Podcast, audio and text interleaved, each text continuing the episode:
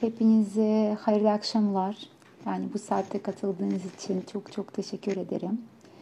Ee, çok önemli bir konu konuşacağız bugün. Çocuklarımızı konuşacağız.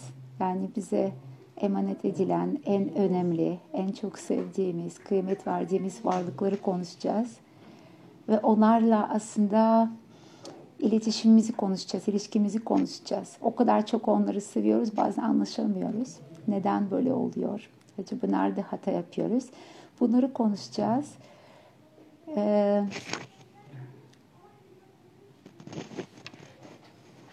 ...29 kişi var şimdi. İsterseniz bir, hemen bir konuya bir giriş yapalım. Ee, ben e, öncelikle kendimden bahsetmek istiyorum. Ee, benim ismim Lili Özyavaş. Ee, ben Ukraynalıyım aksanla konuşacağım. Yani yine anlaşıldığını düşünüyorum. Yani birçok yerde konuşmaya alışığım. Genelde anlaşılıyorum. Yine de anlaşılma yani bir durum olabilir. O yüzden şimdiden biraz böyle o bir e, özür dilerim sizden. E, ben bir e, bir anneyim.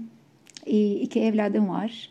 İkinci sınıfa giden oğlum var ve e, altıncı sınıfa giden e, kızım var. E, ben e, okul öncesi eğitim kurumunda çalışıyorum. Özel bir kurumda çalışıyorum. Çok sevdiğim bir yer. E, bir Montessori eğitmeniyim. E, Montessori eğitimiyle bir 10 yıl önce tanıştım. E, kızım çok küçükken. Ve o zamandan e, beri e, çok faydalı görüyorum. Hani çok faydalandım. E, hoşuma giden tarafları var Montessori eğitiminin. Yani her kültürle kültüre uyarlanıyor olması, her yaşa hitap etmesi. Hani bir çocuğun ya da bir yetişkinin doğası yaşının özelliklerini bildiğimiz halde çok güzel e, Montessori sistemini uygulayabiliyoruz. Yani o da bizim için önemli. E, ben e, aslında benim bir Montessori eğitiminde benim e, serüvenim aslında e, geç yaşta başladı. Yani 30 yaşından sonra ben Montessori e, eğitimiyle tanıştım. Daha önce ben lisans eğitimim, ben e, dil bilimcisiyim. E, tercüman mütercimlik yaptım. E, yani makaleler çeviriyordum. Çevirdiğim kitaplar var e, gençlik yıllarımda. Türkçe ve Rusça arasında çalıştım ve İngilizce ile de çalıştım. Sonra uygulamalı lingvistikte master yaptım. Master eğitimimi ben yurt dışında tamamladım. Amerika'da tamamladım ve e, orada e, evlat sahibi oldum. Orada kızım doğdu. Ve kızım e, o zaman üniversitede Rusça öğretiyordum. Yani Amerika'da biz Texas'ta yaşıyorduk. Ee, ve ders veriyordum e, öğrencilere ve kızım olduktan sonra tabii dünyam değişti. Birçoğumuzun dünyası değişiyor çocuklarımız olduktan sonra. Benim de böyle bir e, yani böyle bir tecrübem oldu. E, tamamen ilgi alanlarım tamamen değişti. Yani daha önce ilgi duyduğum her şey çok önemsiz sanırım görülmeye başladı. Yani çok daha bir akademi dünyasını düşünüyordum kendi kariyerim için. Kızım olduktan sonra her şey tabii değişti ve e, çocuklarla ilgili ne varsa her şeyi araştırmaya başladım ve sonunda bir e, Montessori eğitimi aslında çok doğal bir şekilde Amerika'dayken e, ilgimi çekti. Çünkü birçoğunuz da biliyorsunuz Amerika'da çok yaygın bir sistem. Ee, ve birçok okul var. Ee, birbirinden çok farklı ve Montessori aslında sistemi bununla da çok dikkat çekiyor. Birbirinden çok farklı ama yani önemli hani ortak noktaları var. Ee, ve öncelikle kızım bir Montessori okuluna gitmeye başladı. sonra ben onun gittiği okulda e, yardımcı öğretmen olarak çalışmaya başladım. Öyle bir teklif geldi ve ben memnuniyetle o teklifi kabul ettim. Hiçbir eğitimim yoktu. Ee, sonra e, beni tatmin etmemeye başladı tabii bu böyle bir basit bir yardımcılık ve e, eğitim almak istedim ve bir master düzeyinde bir eğitim aldım yine Montessori eğitimiyle ilgili bir uluslararası Montessori e, derneğinin verdiği bir eğitim ve sonra yine Montessori eğitiminde ayrıca bir master programına katıldım. O testsiz bir master programıydı yine Amerika'daydı. 2017 ee, yılında biz e, ailecek Türkiye'ye döndük. Benim eşim Türk. İstanbul'a geldik ve e, yani burada da çok e, karşıma çok güzel bir kurum çıktı. bir Montessori eğitimini veren hem anaokul düzeyinde hem ilkokul düzeyinde ve orada e, çalışmaya başlama şansım oldu ve çok e, mutluyum orada olduğum için. Yani çalıştığım için her gün çocuklarla vakit geçirdiğim için. Yani çocuklarım şimdi büyüdü. E, e, ancak e, her gün e, yani küçük çocuklarla vakit geçiriyoruz. E, çok güzel mutlu bir süreç. E, ben hemen bir o zaman bugünkü konumuza e, başlıyorum inşallah. E, bir Bugün biz e, çocukları konuşmak istedik ve çocuklara özgürlük alanları nasıl oluşturabiliriz? Yani konumuz bu. Ben e, şimdi müsaadenizle yorumlara kapatıyorum e, bizim yayınımızı ve bir 40 dakika belki yarım saat sonra tekrar yorumları açacağım ve sorularınız olursa sorularınıza bir cevap vermeye çalışacağım. Tamam. Bu şekilde benim için daha rahat oldu. Çünkü yorumlardan dolayı kendi yüzümü göre, göremiyorum. Biliyorsunuz boşluğa konuşmak da çok zor oluyor. Şimdi bugün bizim e, konuşmak istediğimiz konu e, çocuklara özgürlük alanları oluşturmak. E, biz daha çok e, okul öncesi çocukları konuşacağız. E, yani 0-6 yaş çocukları konuşacağız. Ancak emin olun ki yani hepimiz için daha büyük çocuklarımız varsa ya da çocuklarımız henüz yoksa bazı konuları e, tekrar tekrar duymak e, çok faydalı, çok güzel oluyor. E, şimdi çocuklara bir özgürlük alanları oluşturmak neden önemli? Aslında e, bu konunun başlığını düşünürken çocuklara özgürlük alanı oluşturmak aslında e, bu böyle bir iki tarafa giden bir süreç. Aslında bir özgür bir çocuk, özgür bir anne demek. Aslında birazcık da burada anne için bir özgürlük alanı nasıl oluşturabiliriz bunu düşündük. Bir anne, bir e, küçük çocuğu olan bir anne. Hani ben de bir anaokul kurumunda çalışıyorum ve annelerle çok konuşuyoruz. Hani anneler yorgun. Anneler yorgun anneler diyorlar ki ben her şeyi teklif ediyorum çocuğuma şu oyuncak alıyorum bu müzeye götürüyorum parka gidiyoruz piknik yapıyoruz arkadaşlar eve geliyorlar. Yetmiyor. Yetmiyor. Sürekli beni istiyorum memnun değil mutsuz Nedir bu? Yani ben sürekli çocuğumun hizmetçisiyim. Sadece onun e, ihtiyaçlarını karşılamak için sanki varım. Hiç kendini hayatım var, kendimi düşünebiliyorum, çok e, düşünemiyorum, çok yorgunum, enerjim yok. Ve biz biraz bunu konuşmak istedik. Acaba neden böyle? Ee, ya da bu böyle mi olmalı? Yani küçük çocuğu olan anne gerçekten hep sadece çocuğu mu düşünecek? Başka bir şey yapabilir mi acaba? Başka e, yani kendisi için bir e, alan oluşturabilir mi? Bir e, arkadaşıyla sohbet edebilecek, kitap okuyabilecek, kendini geliştirebilecek ya da sadece yani e, çocukla evde huzurlu bir vakit geçirmek. E, çünkü bazen şöyle bir şey oluyor. Bir anne nereye gidiyorsa, hangi odaya geçiyorsa çocuk da or, onu oraya takip ediyor.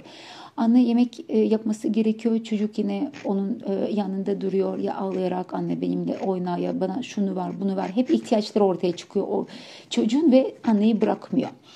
Ve bunu düşündük. Yani acaba bir özgürlük alanı oluşturulabilir mi? Çocuk için ve anne için. Ve bunun üzerinde aslında bir sizin için bir yol haritasını çizmek istedik. Hani kısa bir seminerde konu çok derin ve çok geniş. E, her şeyden bahsetmek çok zor. E, ancak biz e, acaba bir yerde e, bizim bir hatamız mı var? Acaba çocuklarımızla e, tam bir doğru bir iletişim ya da doğru bir diyalog kuramıyor muyuz? Nerede hata yapıyor olabiliriz? Yani tabii ki çocuk yetiştirmek evet bir sorumluluk. Çocuğun ihtiyaçları karşılanacak. Doğrudur. Yani bir anne çok önemli, baba çok önemli, aile çok önemli. Ancak yine bu kadar zor mu olmalı? Bazen kendimize soruyoruz ve aslında e, özellikle bu sanırım bir modern çağın problemi daha çok. Yani bizim annelerimiz Hmm, annelerimizin tabii yaşam şartları farklıydı. Orada farklı zorluklar vardı. Ee, biz tamamen kendimizi yani çocuklarımıza veriyoruz ve çok yoruyoruz aslında bu süreçten.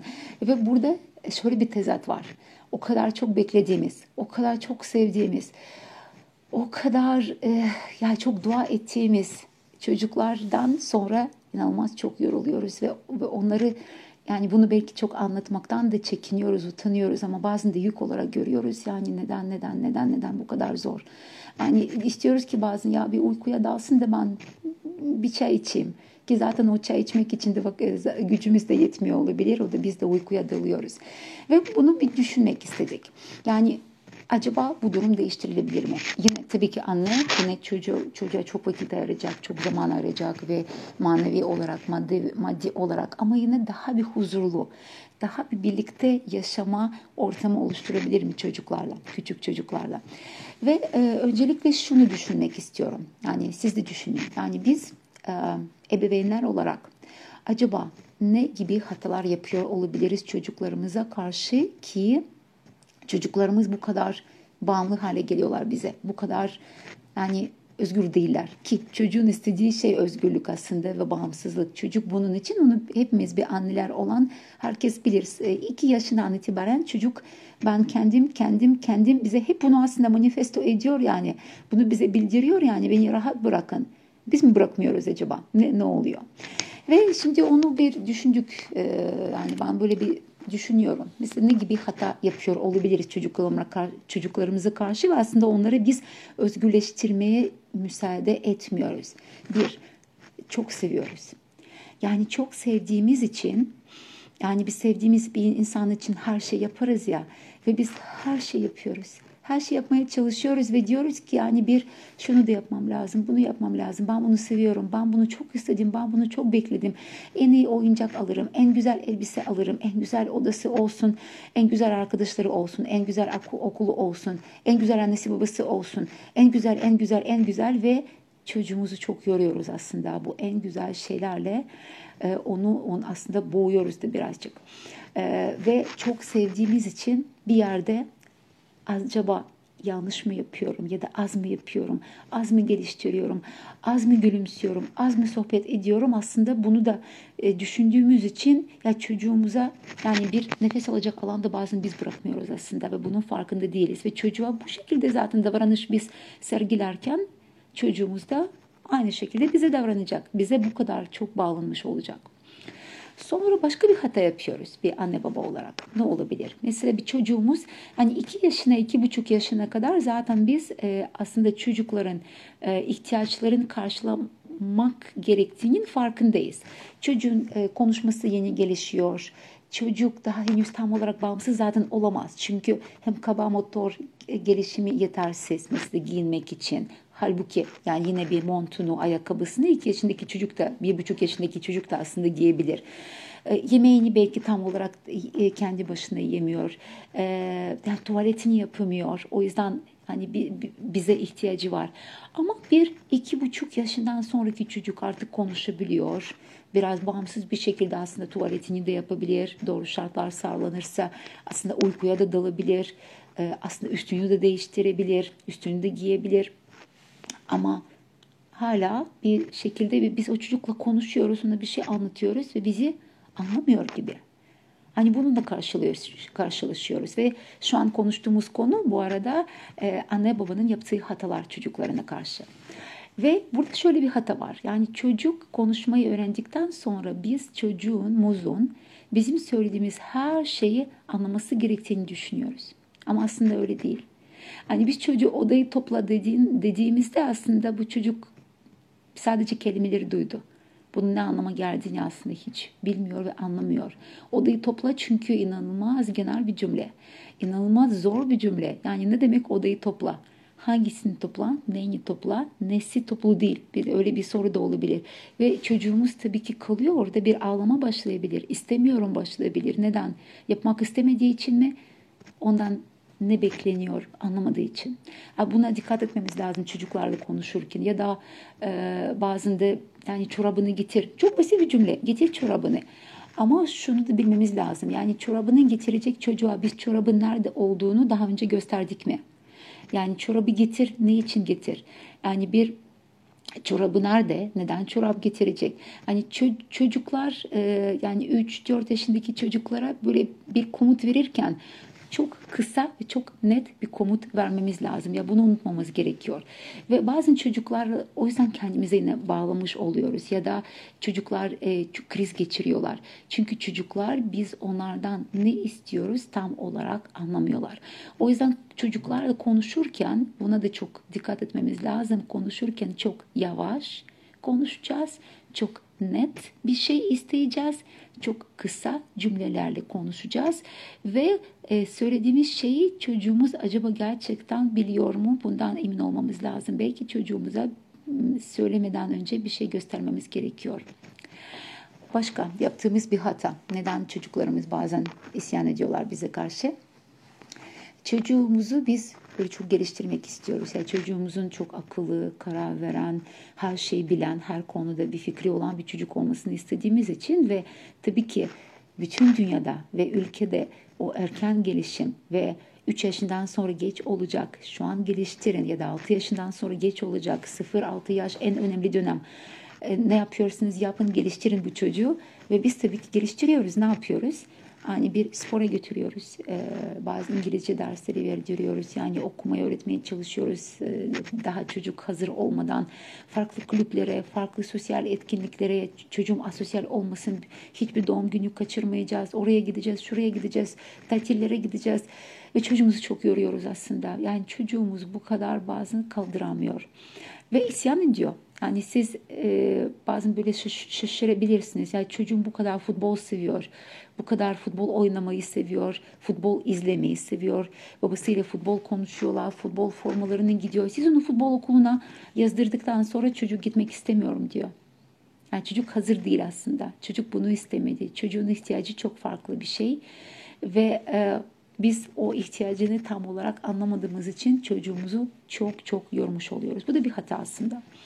Ee, başka yaptığımız bir veli olarak yaptığımız hata var. O da çocuğumuz yerine bazı şeyleri yapmak, onun yapabileceği şeyleri yapmak. Ee, bu hataya hepimiz düşüyoruz. Öğretmen olarak bile bazen düşebiliyoruz bu hatalara. Ee, neden? Çünkü acelemiz var bazen. İşimizi hemen hızlı görmek istiyoruz işimiz düzgün olsun, her şey tertemiz olsun ve o yüzden biz çocuğun aslında yapabileceği bir işi onun yerine yapıyoruz ve bu şekilde yine çocuğumuzu kendimize bağlamış oluyoruz ve ondan sonra bu çocuk neden bu kadar özgür değil, neden hiç konuşmuyor, neden kendine güveni yok soruyoruz soruyoruz ve cevap bulamıyoruz. Aslında bunun tabii ki mimarları biziz aslında bazı konularda. Ve e, şimdi biz ben şundan bahsetmek istiyorum bugün. Bir çocuğumuzu nasıl bağımsızlaştırabiliriz? Yani bir nasıl e, çocuk bağımsız olacak, kendine güvenli olacak, kendini başarılı hissedecek ve e, kendini geliştirecek. Hani bunu bir anne yapabilir mi? Ve bunu yapabilmek için ne yapmaya ihtiyacımız var, ne yapmamız gerekecek? Ya yani ilk önce şunu yapmak şunu söylemek istiyorum. Bir çocuğu özellikle okul öncesi yaşındaki çocuğu e, geliştirmek için çocuğu illaki bir anaokuluna, bir kreşe götürmenize gerek yok. Eğer e, sizin güvendiğiniz, e, sevdiğiniz bir anaokul, bir kreş varsa tabii ki verebilirsiniz. Yani bir uzmanlar çok güzel çocuğunuzla ilgilenecekler. Ancak evde biz anneler kendi başımıza çocuklar için böyle güzel bir geliştirici bir ortam oluşturabilir miyiz? Çocuğun bağımsız büyümesini sağlayabilir miyiz? Çocuğun kendine güvenli, güvenli, güçlü, karakterli, dürüst olarak yetiştirebilir miyiz? Ve ev, cevap tabii ki evet. Yani bunu yapmak aslında hiç zor değil. Ve bugün tabii vaktimiz ben artık 20 dakika konuşmuşum. Hiç farkında değilim ve sadece giriş yapmış oldum. Bunu yapmak için yani bugün biz çok kısa bir yol haritasını çizelim. Ne yapmamız lazım? Neyle başlamamız gerekiyor? Daha sonra bir talep olursa belki bir daha bir ayrıntılı bir seminer şeklinde e, daha e, detaylı şeyler konuşabiliriz ama bugün tabii bu kısa kısa sürede sadece bir yol haritasını çizebiliriz. Şimdi biz e, bizim çocukla olan hayatımızı değiştirmeye karar verdik. Huzurlu, güzel bir ortam istiyoruz. Çocuğumuzun bağımsız olmasını istiyoruz. Bize sürekli yapışık olmasını istemiyoruz ve biz anne olarak rahat, güzel bir annelik yaşamak istiyoruz. Neyle başlayacağız? Yani burada başlama noktası aslında çok ortada başlama noktası bizim çocuğumuzu tanımak. Çocuğumuzun ilk önce gelişimsel özelliklerini tanımak. Çocuğumuz nasıl biri? Ee, ve biz bugün okul öncesi çocuğu konuşacağız. Ben daha çok böyle iki buçuk 6 yaş arasındaki çocukları konuşacağım. Bunlar benim uzmanlık alanım. Ancak e, çok benzer konular daha küçük çocuklar için de e, geçerli. Daha büyük çocukların ihtiyaçları farklı sadece. Yani gelişimsel özellikleri farklı. Bugün biz onlara değinmeyeceğiz. Ancak kendi çocuğunuzu anlamak için ilk önce genel olarak bu çocuk yani yaş olarak, dönem olarak nasıl özelliklere sahip bunu anlamamız lazım. Ve biz biliyoruz ki okul öncesi çocukların e, çok ortak bir özelliği var e, ve çok belirgin bir özelliği. O çocuklar çok hızlı gelişiyorlar. Her gün yeni bir çocuk karşımızda var aslında. E, çocuğun çünkü hem vücudu çok hızlı gelişiyor hem de beyni çok e, hızlı gelişiyor. O yüzden biz e, bizim çocuğun bu e, nörofizyolojik özellikler diyoruz biz. Yani beyinsel ve fizyolojik yani bir e, fiziksel özelliklerinin bir ortak buluştuğu noktalar var. Bunları çok iyi bilmemiz lazım. Ee, küçük çocuk gelişirken nasıl gelişiyor? Çocuğun henüz tecrübesi var, yok. Dünya ile ilgili tecrübesi çok az. O yüzden suyu düşünme yok. O yüzden irade yok. O yüzden kendi bazı ne istediğini ifade edemeyebilir. O yüzden bu e, okul öncesi yaşında olan bir çocuğun gelişimi duyu organları üzerinden gelişiyor. E, bu ne demek? Bu demek ki çocuğun inanılmaz şekilde harekete ihtiyaç var. Bu böyle bir çocuk hareket edecek sürekli. O kadar çok enerji var ki beyin gelişiyor, vücut gelişiyor. İkisi gelişirken yani beynin hareketlerini biz fark etmiyoruz. İnanılmaz hareketler oluyor ama vücut hareketlerini görüyoruz. Çok hareket var. Bu bir. Ve duyu organları var. Neden? Duyu organları aslında yani bir göz, e, burun, ağız, kulak ve bizim ellerimiz yani dokun, dokunacak her şey çocuğumuz. Bunlar e, çocuk için aslında yani bir beyne e, bütün sinyalleri gönderen organlar. Yani çocuğun zihni bu beş duyu organı üzerinden gelişiyor ve bunu çok iyi biliyoruz. Yani çünkü bütün dünya ile ilgili tecrübeler ya kokudan ya da görmeden ya da ağızdan ya da duymadan ya da ellerden çocuğun zihnine geçecek. O yüzden e, bu gelişimsel olarak bu böyle olunca biz e, şunu bilmeliyiz ki bizim çocuklarımıza mümkün olduğunca e, çok duyu organlarının e, tecrübe edebileceği bir şey vermemiz lazım. Yani duyu organları için bir gıda vermemiz gerekecek. Bu ne demek? Bu demek ki biz çocuğumuza hareket etme imkanını sağlayacağız. Biz çocuk çocuğumuza dokunma imkanını sağlayacağız. Biz çocuğumuza farklı kokuları tanıtacağız. Biz çocuğumuzu görmesini bir sürü bir şey görmesini sağlayacağız. Yani bunu destekleyeceğiz. Bu ne demek? Birçok farklı şeyleri görmek demek dışarı çıkmak. Çocuğun dikkatini güneşe çekmek, gökyüzüne çekmek, ağaca çekmek, e, buradan geçen köpeğe çekmek, orada oradan bir yerden geçen bir kediye dikkatini çekmek. Hani bu şekilde yani bir e, çocuğumuza inanılmaz çok gıda vermemiz lazım. Duyu organları için bir gıda e, vereceğiz çocuğumuza. Ve burada yetişkinin desteği çok önemli. Çünkü çocuğumuz e, o yüzden bazen çok amaçsız hareketler yapıyor. Her şey ağzına alıyor ya da her şey dokunmak istiyor ya da çorbanın içinde elini sokuyor. Çünkü zihin, zihnin buna ihtiyacı var. Yani zihin gıda istiyor. Benim gelişmem lazım diyor ve nasıl gelişeceğim? İşte bu şekilde dokunarak, tadarak, duyarak. O yüzden biz de öyle bir ortam o çocuğumuz için e, ayarlayacağız ki çocuğumuz o duyu organlarını full kapasite orada kullanabilecek. Sonra çocuğumuzun başka bir özelliği nedir? Yani bu yaş çocuğun özelliği. Çocuğumuzun çok enerjisi var. Ve bu enerjiyi o yüzden doğru yönlendirmemiz bizim görevimiz. Çünkü çocuğumuz o enerjiyi sadece kullanacak. Eğer bu enerjiyi kullanacak bir ortam yine çocuğumuza biz vermezsek, biz yetişkinler sunmazsak çocuğumuz bu enerjiyi ağlamak için, kırmak için, atmak için, vurmak için kullanacak. Çünkü enerji kullanması lazım. Enerji çıkıyor. Yani onu durduramaz çocuk. Başka ee, bir çocuğumuzun yine okul öncesi yaşındaki çocuğumuzun başka özelliği çocuğumuz her şeyi taklit eder. e, ortamda, etrafta ne varsa her şeyi taklit eder ya da Maria Montessori buna emici zihin derdi. Her şey emer. Yani o yüzden ortam çok önemli. Ortam yorucu olmayacak ama ortam zengin olacak. Ama e, çocuğun bulunduğu ortamda e, zengin ve onu geliştirecek bazı nesneler, etkinlikler, e, her şey bu şekilde ayarlanacak. Yani çünkü çocuk gördüğü her şey taklit eder ve her şey gördüğü her şey zihni emer. Yani bunu unutmamız lazım. E, o yüzden e, bunu aslında e, şunun için söyledim. Yani bizim söylediğimiz her şey, bizim yaptığımız her hareket çocuk onu bir yere yazıyor ve taklit edecek bir şekilde.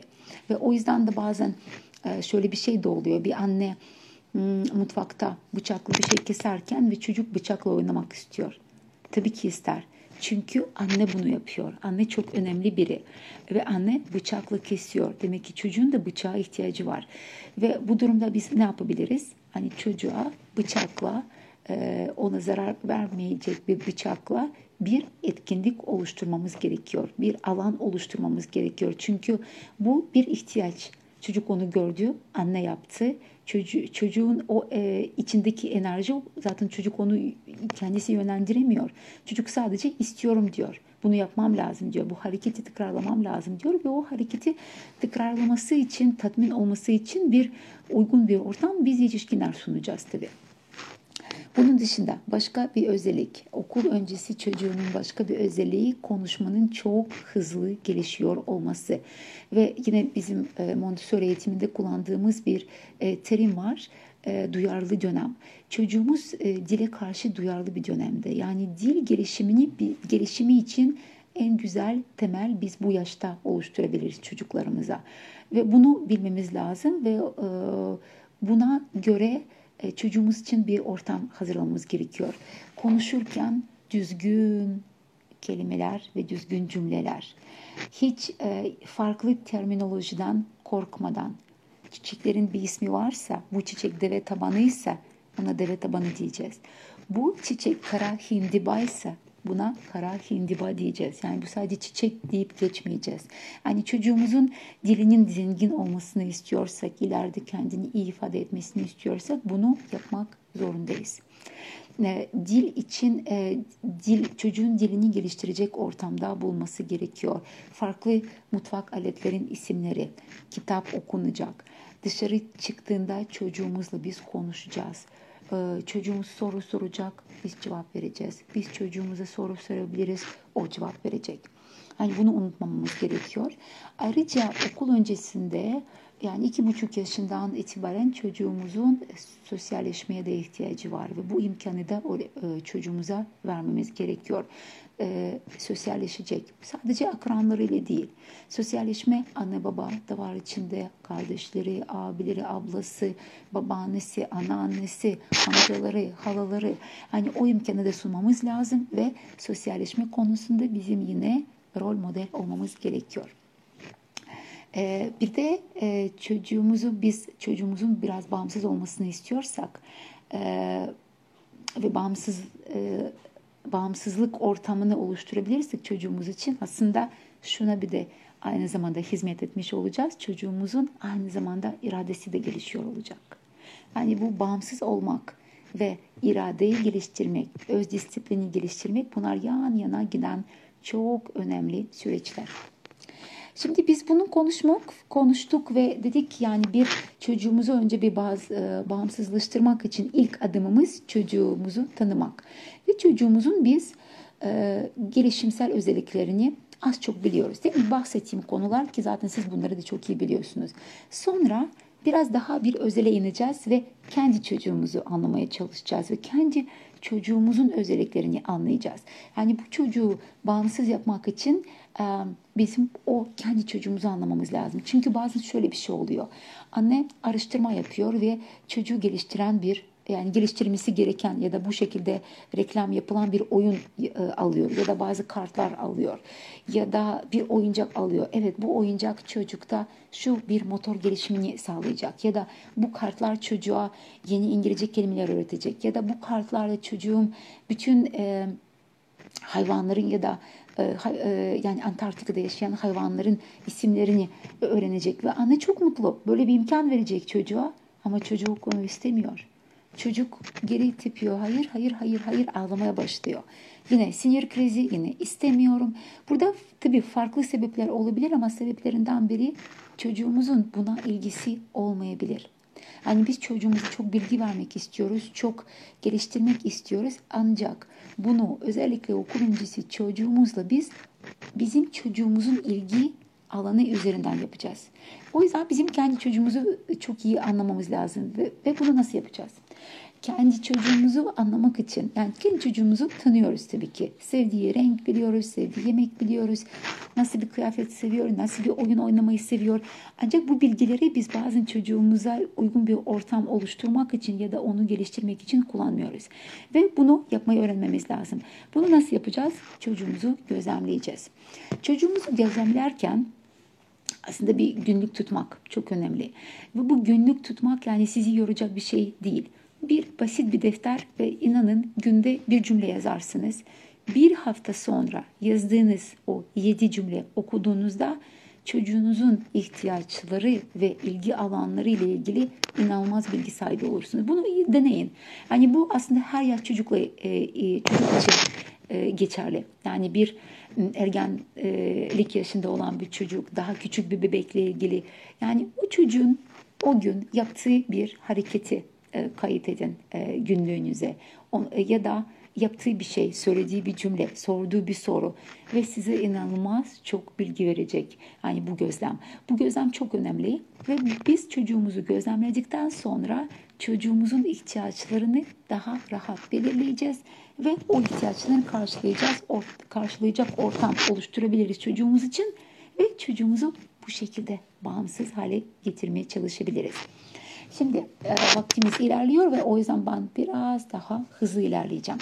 Ve tekrar e, tekrarlamak istiyorum. Yani bugün bizim yaptığımız bir böyle bir hazır reçeteler yani şunu bunu bunu adım adım yapacağız gibi değil. Hani bu bir genel bir bilgi sizin için bir yol haritası. Neyle başlayabilirim?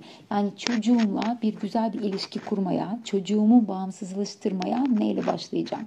Ve biz dedik ki önce çocuğumuzun gelişimsel özelliklerini anlayacağız. Değil mi? Ondan sonra kendi çocuğumuzu anlayacağız. Kendi çocuğumuzun ilgi alanlarını belirleyeceğiz ve kendi çocuğumuzun hoşuna gittiği bazı şeyleri bileceğiz ve o ilgi alanlarından gelişmeye e, devam etmeye edeceğiz. Ve sonraki adım çocuğumuzu biz az çok evet anlamaya başladık. Gözlemliyoruz ve ortaya çıkmaya başladı bazı özellikleri. Aha demek ki bunları geliştirebilirim. Demek ki bunlara dikkat etmeliyim. Şimdi sonraki adım uygun bir çevre, uygun bir ortam hazırlamak. Bakın bu inanılmaz önemli bir konu ve e, anne baba olarak bizim en çok sanırım hata yaptığımız konu bu. Uygun bir çevre, uygun bir ortam nedir? Yani çocuğun, çocuğumuzun aslında bağımsız olarak hareket edebildiği bir ortam. Bize ihtiyaç duymayacağı bir ortam. En azından bir 15-20 dakika orada e, geçirse bu inanılmaz bir aslında bir zafer bizim için de anne baba olarak. Çünkü ondan sonra tecrübe, biz de tecrübe kazanıyoruz. Ortamı geliştire geliştire daha çok vakit e, e, belki geçirmek ister çocuğumuz o uygun bizim hazırladığımız ortamda. Ve şimdi ortamla ilgili şununla başlama, başlamanızı istiyorum. Önce çocuğunuzun odası varsa ayrı bir odası o oda, odayı düşünelim. Hani bir şunu düşünelim önce. Biz çocuğumuza oyuncak alırken neye dikkat ediyoruz? Hoşumuza gitti, fiyatı uygun, rengi güzel.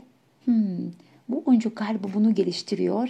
Hani böyle oyuncak alıyorsak demek ki evde aslında gerektiğinden fazla muhtemelen oyuncak var ve bazı oyuncakların aslında hiçbir geliştir geliştirici tarafı da olmayabilir.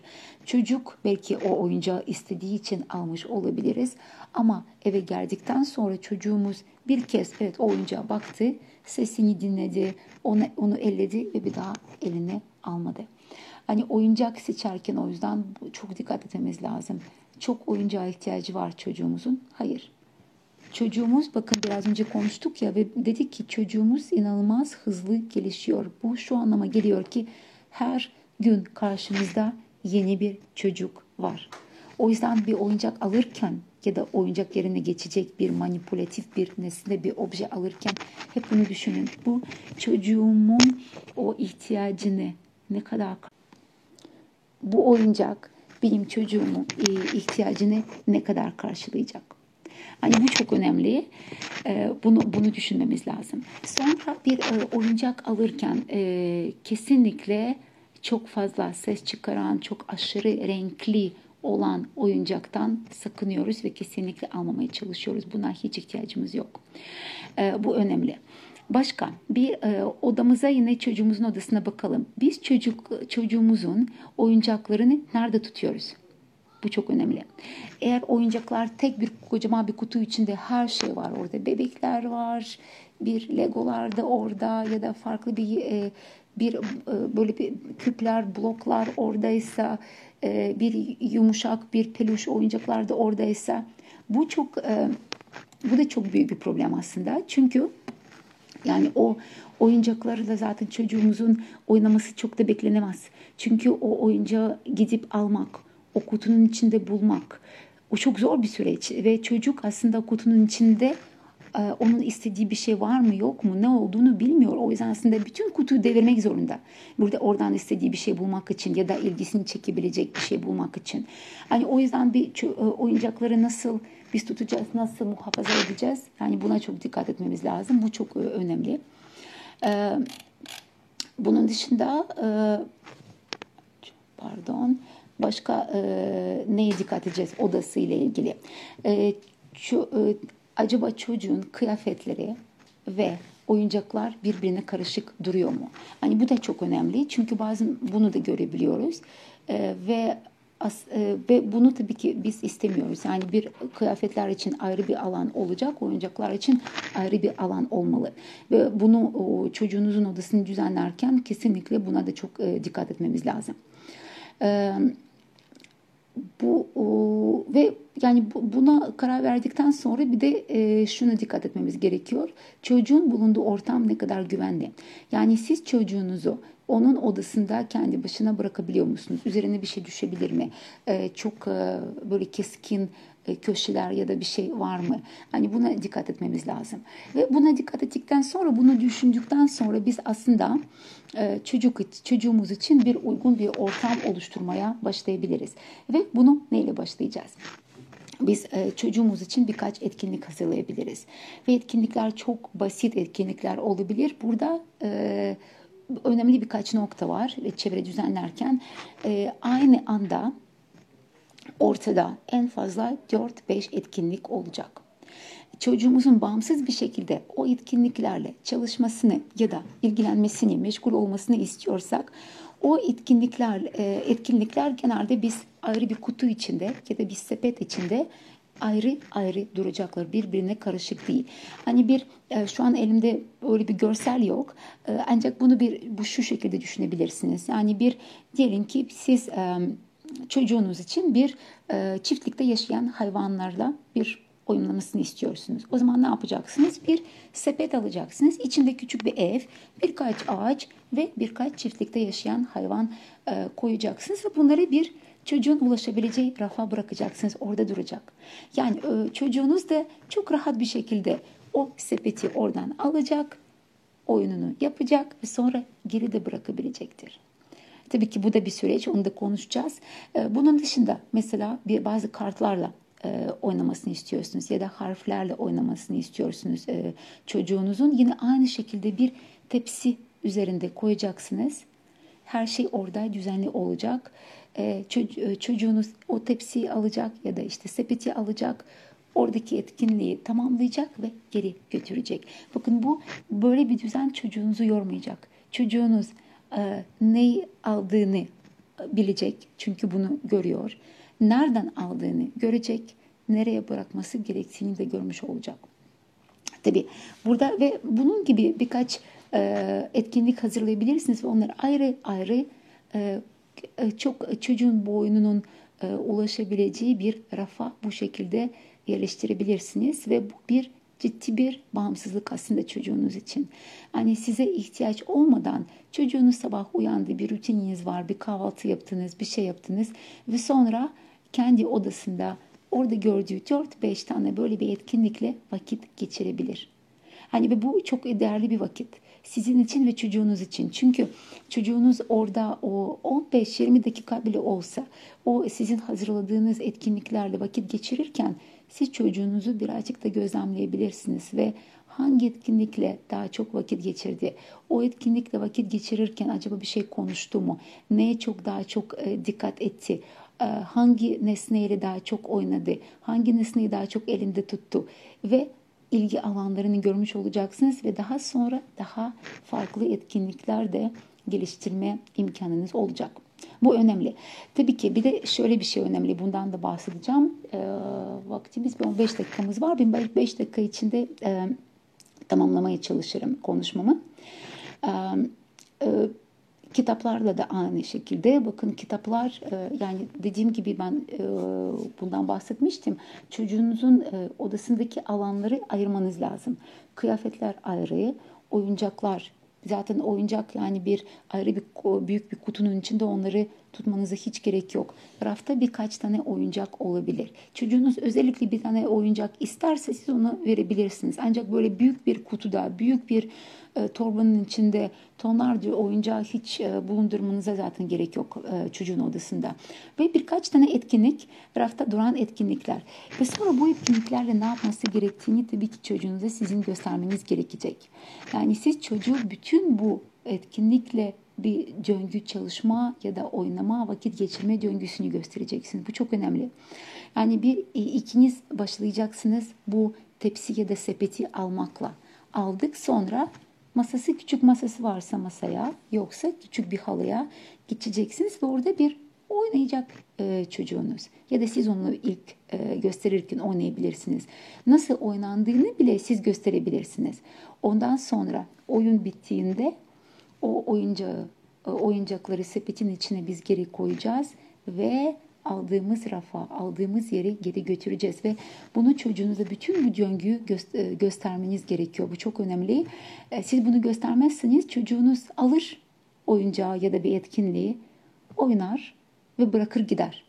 Çünkü onun zihni bizim gibi çalışmıyor. Henüz bunu bilmiyor ki bunu yerine koyması gerekiyor. Bunu gösterecek olan biziz. Başka kimse değil. Ve bunu bizim e, çocuğumuza göstermemiz gerekiyor. Hani dediğimiz gibi yani çocuğumuzun tamamen taklit, taklide odaklı bir zihni bir beyni var. Yani çocuğumuzun tecrübesi yok. Çocuğumuz kendisi ileride ne olacak, ne olmayacak düşünemez. Bunu tamamen bizim göstermemiz e, e, gerekecek.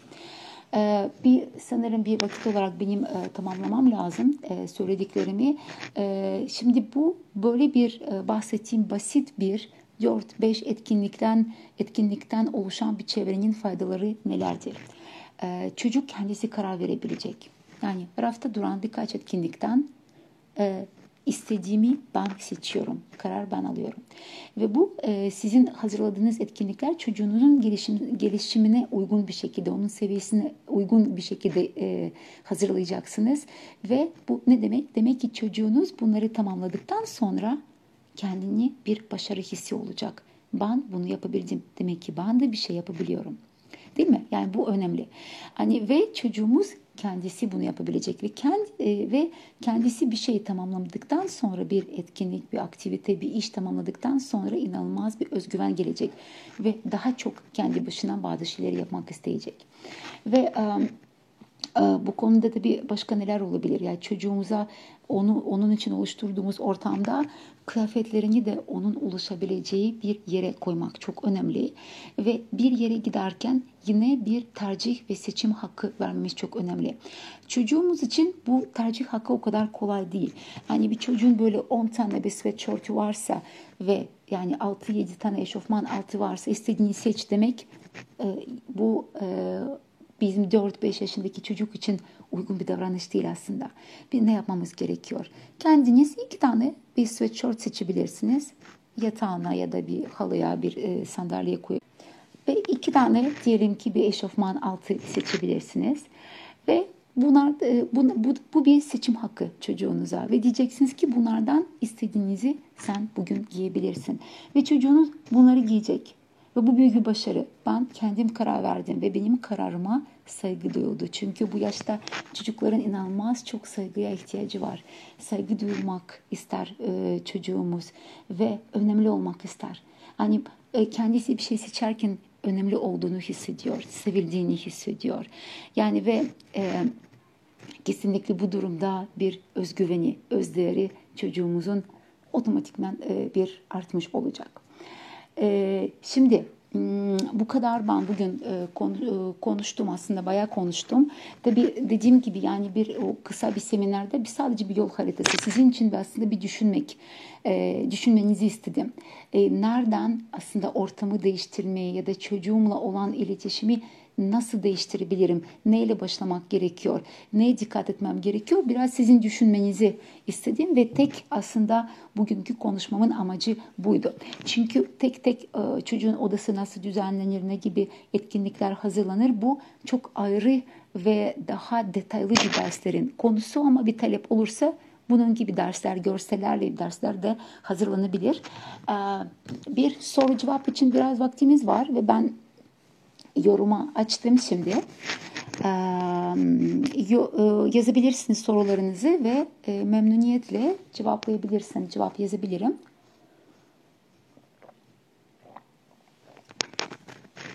Şu an e, yorum kısmı açık. E, şu an sorular şu an sorular yok. E, bir yorumumuz var. Çok faydalı oldu. Çok e, teşekkür ederim. Yani bir e, dediğim gibi bir sadece bir böyle bir kapı aralamak gibi sizler için. Yani bir böyle bir nereden bir çocuğumuzla bir iletişimi değiştirmeye nereden başlayabiliriz ki biz haftaya sizinle burada bir bir saniye benim 7 ve 10 yaşında oğullarım var. Çok dikkat ederek her şeyin kendi başlarına yapmaları için uğraştım. İyi maşallah elinize sağlık. E, Montessori özel oyuncakları evde olmalı mı? Çok güzel bir soru. Ben e, bunu konuşacağım. Şimdi bir e, bir bir sınıftaki, bir Montessori sınıftaki ortam ve sizin çocuğunuz için yani Montessori sistemini aklınızda tutarak hazırlayacağınız ortam aynı olmak zorunda değil ve olmamalı. Ee, evde sadece sizin çocuğunuz var ya da belki kardeşler var, iki çocuk olabilir ve bu e, ve bu de, bu ne demek? Bu demek ki siz tamamen ortamı ve seçtiğiniz işte etkinlikleri oyuncak diyebiliriz, oyun diyebiliriz, kart diyebiliriz. Farklı etkinlikleri tamamen kendi çocuğunuza göre seçeceksiniz. Çünkü çocuğun e, farklı çocukların yaşı yani iki çocuğun e, 4 yaşında iki, fark, iki farklı çocuğun ilgi alanları, ilgi odakları inanılmaz farklı olabilir. O yüzden tamamen biz orada bir odaklanma ile ilgili de bir soru görmüştüm. Yani odaklanma çocuğun ilgi alanı üzerinden gelişir. Yani çocuğumuzun ilgi alanını yakalamak. E, bu çok önemli. E, tabii çocuğun e, tabii ço- çocuğu tabii bilmek lazım, tanımak lazım. Çocuğun geçmişini bilmek lazım. Yani bu ç- odaklanamayan çocuğun çok çok çok farklı sebepleri, farklı problemleri olabilir. E, ancak bir okul öncesindeki çocuklarda genelde odaklanmayı yakalamak çok zor değil. E, orada o çocuğun ilgisini çeken bir şey bulmak o daha zor. E, ilgi alanını belirledikten sonra çocuk odaklanıyor ve ilk odaklanmadan sonra ona vereceğimiz etkinlikleri, çalışmaları, hazırlayacağımız herhangi bir oyuncakları ona göre bir ilgi odağına göre hazırlamamız gerekiyor ve bunu da unutmayın. Yani çocuklar e, dediğim gibi bunu birkaç kez tekrarladım. inanılmaz hızlı gelişiyorlar. E, bugün e, odaklanarak yaptığı etkinliği yarın aynı çocuk yapmak istemeyebilir. Bunu unutmayın ve buna Üzülmeyin, buna kızmaya gerek yok, üzülmeye gerek yok. Çocuk değişti, çocuğun e, ihtiyaçları değişiyor. Ben şimdi bir bakayım başka sorulara. E, bakıyorum. E, şimdi bir saniye. E,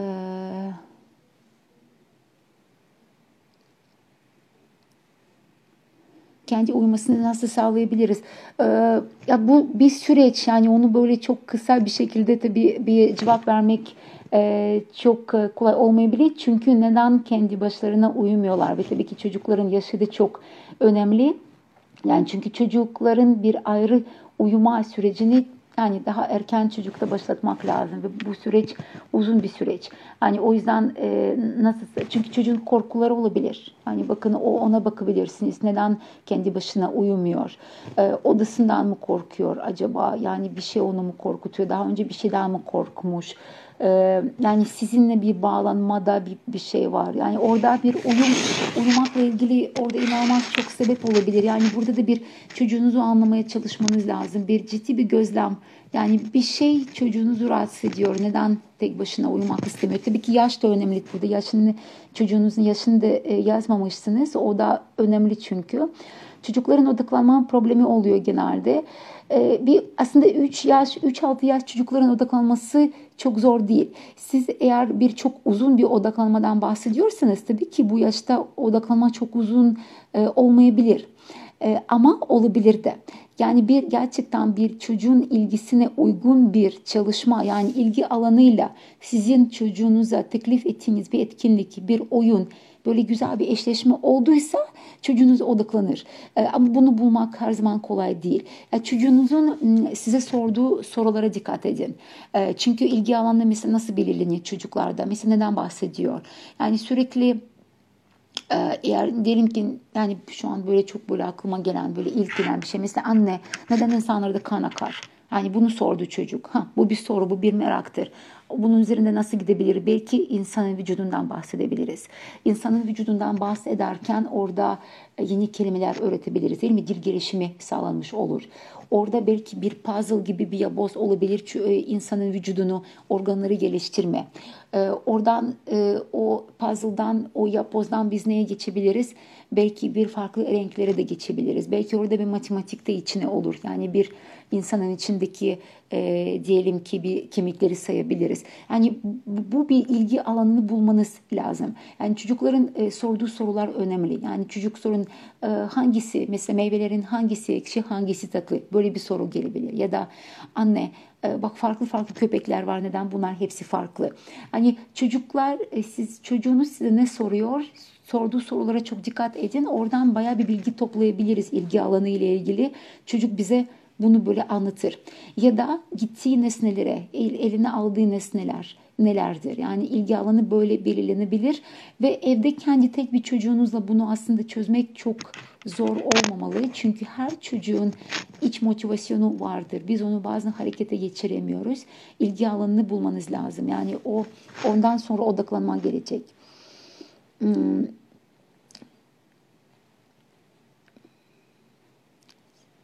bağımlılık sebebiyle kimsede kalmamaları bizi çok yoruyor.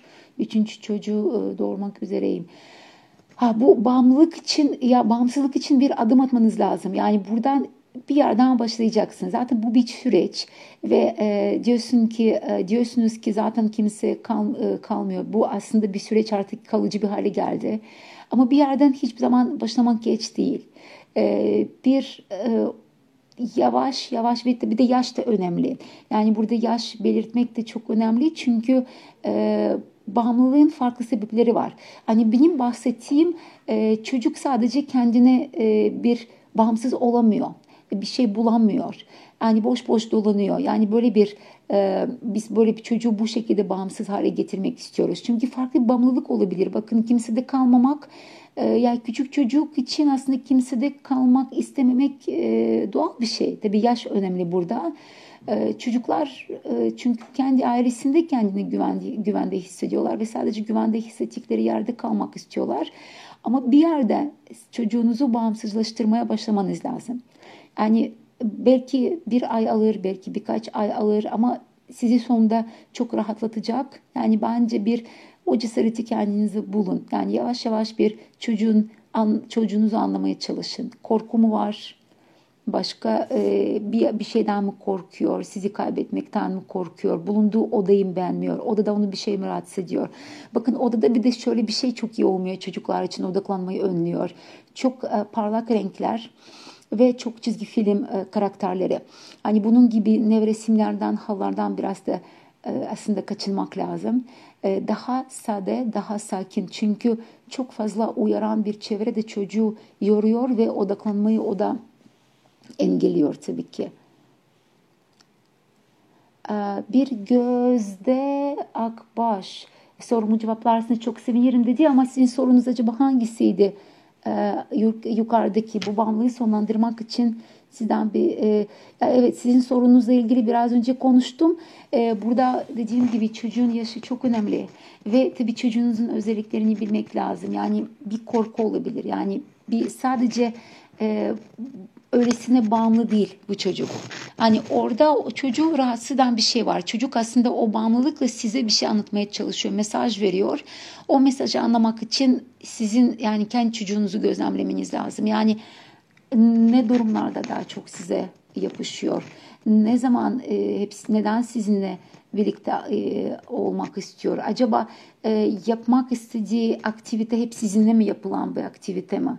Acaba odası mı rahatsız ediyor? Acaba e, kendini güvende mi hissetmiyor ya da evde çok e, emniyetli bir ortam değil mi? Acaba bir şey çarpmış mı, düşmüş mü, aklında mı kalmış, o yüzden yalnız mı kalmak istemiyor?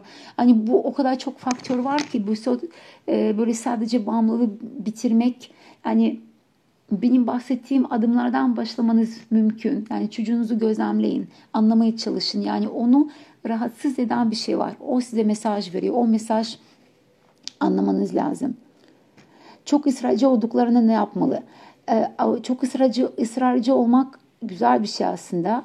Ee, ama burada da e, ısrarcı neden ısrarcılar? Yine bir mesaj var. Yani size hangi konuda ısrar ediyor acaba? Yani o onu o da bir çok önemli. E, çünkü bir konuda ısrar ediyorsa bu ısrarcılık mı, inat mı demek istiyorsunuz? Onu bir e, tam olarak tabii ki ne konuda ısrarcı ve kesinlikle en azından çocukla bir mücadeleye girişmeyin. Yani çocukla savaşmıyoruz. Yetişkin olan biziz, irade bizde var sakinleşiyoruz ve çocuğu ne rahatsız ediyor, neden bu kadar ısrarlı bir şey istiyor anlamaya çalışıyoruz. Ama tabii burada ben örnek e, görmediğim için bir şey söylemem zor. Hangi konuda ısrarcı? Diyelim ki e, yani ben dışarı çıkmayacağım. Dışarı çıkmak istemiyorum. Bu konuda ısrarcıysa ama sizin çıkmanız gerekiyorsa burada anlamanız gerekiyor. Yani bir mecbur bir şekilde dışarı çıkacaksınız. Bunu sakin bir şekilde anlatmaya çalışmanız lazım. Ben senin çıkmak istemediğini anlıyorum. Ee, sen evde kalmak istiyorsun. Evde çok güzel bir etkinliğin var. Çok e, güzel burası çok sıcak, çok güzel odanı seviyorsun. Benim şöyle bir işim var.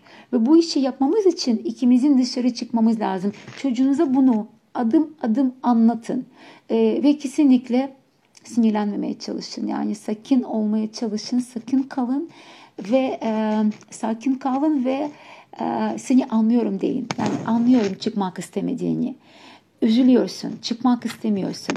Bizim şunu bunu bunu yapmamız gerekiyor. Yani bir hangi konuda ısrarcı ise sadece şurada şöyle bir tavsiyede bulunabilirim. Kesinlikle savaşmayın, mücadele girişmeyin ve inatlaşmayın kendi çocuğunuzla. Ee, çocuğunuza da bazen gerekti, gerekirse size kızıyorsa, ısrarla kızıyorsa kızmasına da izin verin. Yani bunu da söyleyin. Evet bana kızabilirsin. Haklısın. Şu an senin istemediğin bir şey yapıyorum. Ancak bunu şu sebeple yapmak zorundayım. Bunu dile getireceğiz. Yani bu bir bazen bir sınır koymak da gerekiyor. Çünkü tam olarak probleminizi bilmiyoruz. Ee, okula bile zor gittiler. Okula zor giden çocuklar var tabii. Ee, ya Gözde, Gözde Hanım yazmış. Ee, okula zor giden çocuk e, genelde bir anneyle bir bağlanma e, da bir artık bir problem yaşıyor olabilir. Yani onu çözmeniz lazım. O da çok zor olmayabilir ama belki bir uzman, bir psikologa belki bir e, danışmanız gerekebilir. E, çünkü çocuk aslında okul e, iyi bir okulsa, doğru bir okulsa tabii ki yani bir farklı farklı okul var. Yani çocuğu okulda da bir şey korkutabilir. Okulda da bir şey rahatsız edebilir. Yani burada baya baya bir çocuğunuzla ilgili onu e, bir anlamak lazım. Yani çocuğu o bağımlılığın bir sebebi var. Sebep nedir? O sebebi anlamadan e, çözmek yani çözüm getirmek zor. Kızım 14 yaşında liseye başladı dersler dersleri hiç alakası yok. 14 yaşında zaten çocukların aslında dersler evet alakası olmayabilir. Zihinleri çok dağınık olabiliyorlar. Ve tabii bu çocuk 14 yaşında daha önce nasıldı onu bilmiyoruz. Yani onu e, dersleri sonradan mı acaba böyle oldu? Sonradan mı odaklanmamaya başladı? E, sonradan mı bir şey değişti? Yani burada çünkü bir e, sadece e, sadece şu an odaklanmıyor derslere alakası yok. E, bir de e, ergenlik yaşı 14 yaş aslında biliyor musunuz çok da benziyor e, çocuğun böyle okul öncesine. Çocuğun yine çok ciddi bir hızlı gelişim yaşı. Zihinsel olarak çok aşırı yoruluyorlar e, bu 14 yaşındaki 14, 13, 12 yaşındaki çocuklar ve çok fazla yorulan çocuk bedenen yoruluyor ve ruhen de çok yoruluyor. Hani orada bir yerde onun yükünü belki ya azaltmak gerekiyor ya da e, yani adım adım yani o e, beceremediği dersleri belki çok küçük küçük parçalara ayırıp belki ona bir şekilde bir yardımcı olmanız gerekebilir bu konuda. Um, Şimdi bakıyorum. Bir buçuk yaşında bebeğim var. Oyun rafında bir oyuncak ne kadar süre kalmalı? Ha çok güzel bir soru. Yani oyuncaklar ne, ne kadar sıklıkla değiştirmeli? İnanılmaz güzel bir soru ve çok çok teşekkür ederim Seher Hanım sanırım. Um, bir, bir, bir rafta bir oyuncak bir, bir buçuk yaşındaki çocuk için yani iki üç oyuncak da bulundurabilirsiniz. Ve biliyorsunuz farklı aktiviteler var. Şu an bayağı bir bulabilirsiniz bunları. Çok güzel bir aktarma aktiviteleri, eşleştirme aktiviteleri, e, bir ipe dizme aktiviteleri bunları da kullanabilirsiniz. Tabii bir buçuk yaşındaki çocuk için uygun olanları seçmeniz lazım. Orada bir normalde e, bizim böyle bir rafta aynı e, aynı oyuncağın ya da etkinliğin kalması 2-3 hafta. 2-3 hafta biz bunu değiştirmek istiyoruz. Ancak burada şöyle bir e, ancak var. Çocuğumuz hiç bununla alakası yok. Oynamıyor, elini almıyor, ilgilenmiyorsa demek ki zaten onun gelişimine uygun değildir. Bir şekilde ilgisini çekmiyor, onu tamamen alabiliriz hemen. Bu bir. İkincisi çocuğunuz e, o oyuncakla ilgilenmeye devam ediyorsa 2-3 haftadan sonra da kalabilir.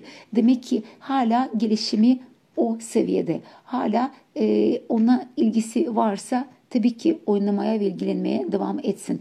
Ama e, tabii ki hazır olun ki çocuk hızlı değişiyor. Hızlı sıkılabilir. O zaman değiştireceğiz. Ya da tamamen değiştirmeden bazı etkinlikleri biraz değiştirebiliriz. Bazen bir renk, renk değişikliği bile işe yarıyor ve e, çocuğumuz bunu yeni bir etkinlik olarak görüyor olabilir. Çocuğum 3 yaşında bizlere bir kitap önerisinde bulunabilir misiniz? 3 yaş için inanılmaz çok güzel e, kitaplar var. Yani şimdi bir e, şu an aklıma inanın böyle bir isim olarak bunu getirmekte zorlanıyorum. E, ama 3 yaş için e, çok güzel ve çok e, farklı kitaplar var. Ben kitaplarla ilgili genel bir tavsiyede bulunayım. E, daha iyi olur. 3 e, yaşındaki çocuklar için yani metin çok az olsun. Her sayfada 2-3 satırı geçmesin. Bu çok önemli çünkü yoracak çocuğu dinlemek din, dinlerken de yorulur ve e, resimler biraz daha gerçekçi olsun. Yani eğer mümkünse ve şu an Türkiye'de çok güzel, inanılmaz güzel kitaplar basılıyor. Aslında ben size farklı güzel kitaplar da e, gösterebilirdim. Belki ayrı bir yayın yaparız kitaplar konusunda. E, daha gerçekçi insanların, çocukların bulunduğu kitaplar. Hani böyle çok güzel e, gerçekçi resimler bulun. Ve e, bu vesileyle bu soruya cevap verirken de şunu söylemek istiyorum. Yani mümkün olduğunca bizim bu çok meşhur e, çizgi film kahramanlarını e, çocukların hayatına çok almamaya çalışın. E, tabii ki izleyecekler. Yani bir Karlar Ülkesi'ni de izleyecekler. E, başka e, e, çizgi filmleri, animasyon filmleri de izleyecekler. Ancak yani mümkün olduğunca onun kıyafetlerini, onun mobilyalarını, onun logosu olan kıyafetleri almamaya çalışın. çocuklar çünkü bu dünyaya çok alışıyorlar. O dünya gerçek olmayan bir dünya ve o dünyaya çok aşırı uyarıcı olan, gerçekçi olmayan bir dünyaya alışan bir çocuk gerçek dünyaya dönmek istemeyebilir. Daha çok bizi zorlayabilir.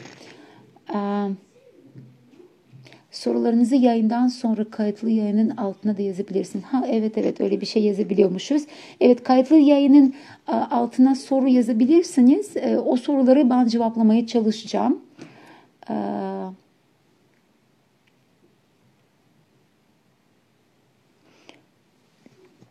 E, hocam 3 yaşında yaşına yakın, yakın bir erkek çocuğun renkleri öğrenemiyor olması bir problem midir yoksa sadece ilgisi mi yoktur? Evet e, bu güzel bir soru. E, bazı çocuklarda gerçekten renklere karşı o ilgi daha sonra gelişiyor olabilir. Yani bir tabi burada 3 yaşına yakın bir çocuğun acaba renk körlüğü olabilir mi? Hani bunu bir sadece bunun üzerinde düşünün. Olmak zorunda değil. Çünkü benim de öyle öğrencilerim vardı. Bir öğrenci bile değil. E, farklı dönemlerde farklı öğrencilerim vardı ve renklerini 4 yaşından sonra öğrendiler. E, ama renk körlüğü sonuçta bir ihtimal. Eğer öyle bir şey varsa belki problem e, orada olabilir. Eğer öyle bir şey yoksa renkle, renkleri üzerinde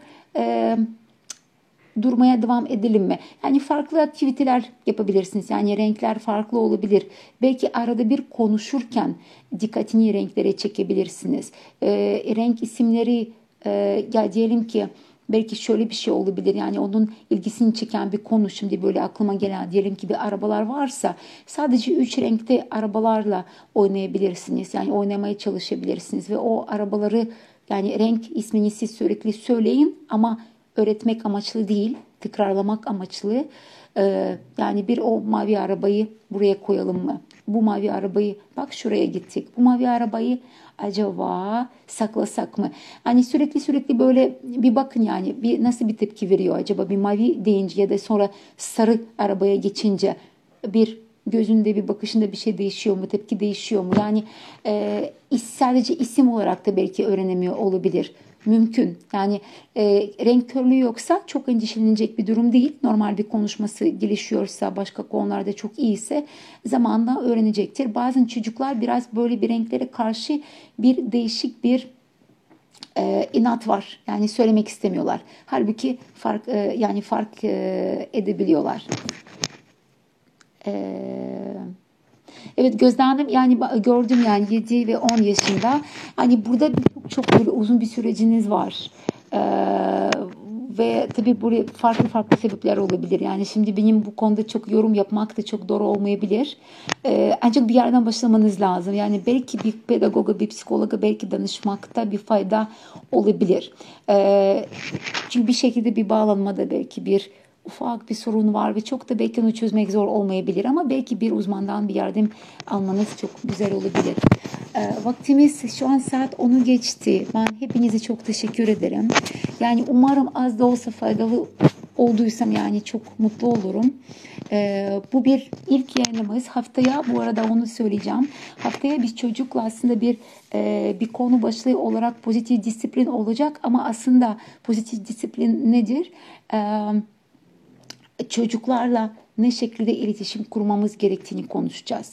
Yani nasıl konuşacağız, böyle bir krizlerine nasıl bir tepki vereceğiz. Ya birazcık bunları konuşalım haftaya.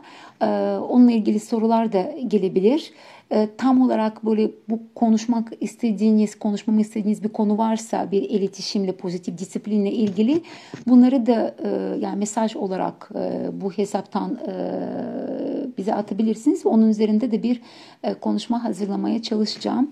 Hepinizi çok çok teşekkür ederim. Kayıtlı olacak bu yayın. E, tekrar izlemek isterseniz izleyebilirsiniz.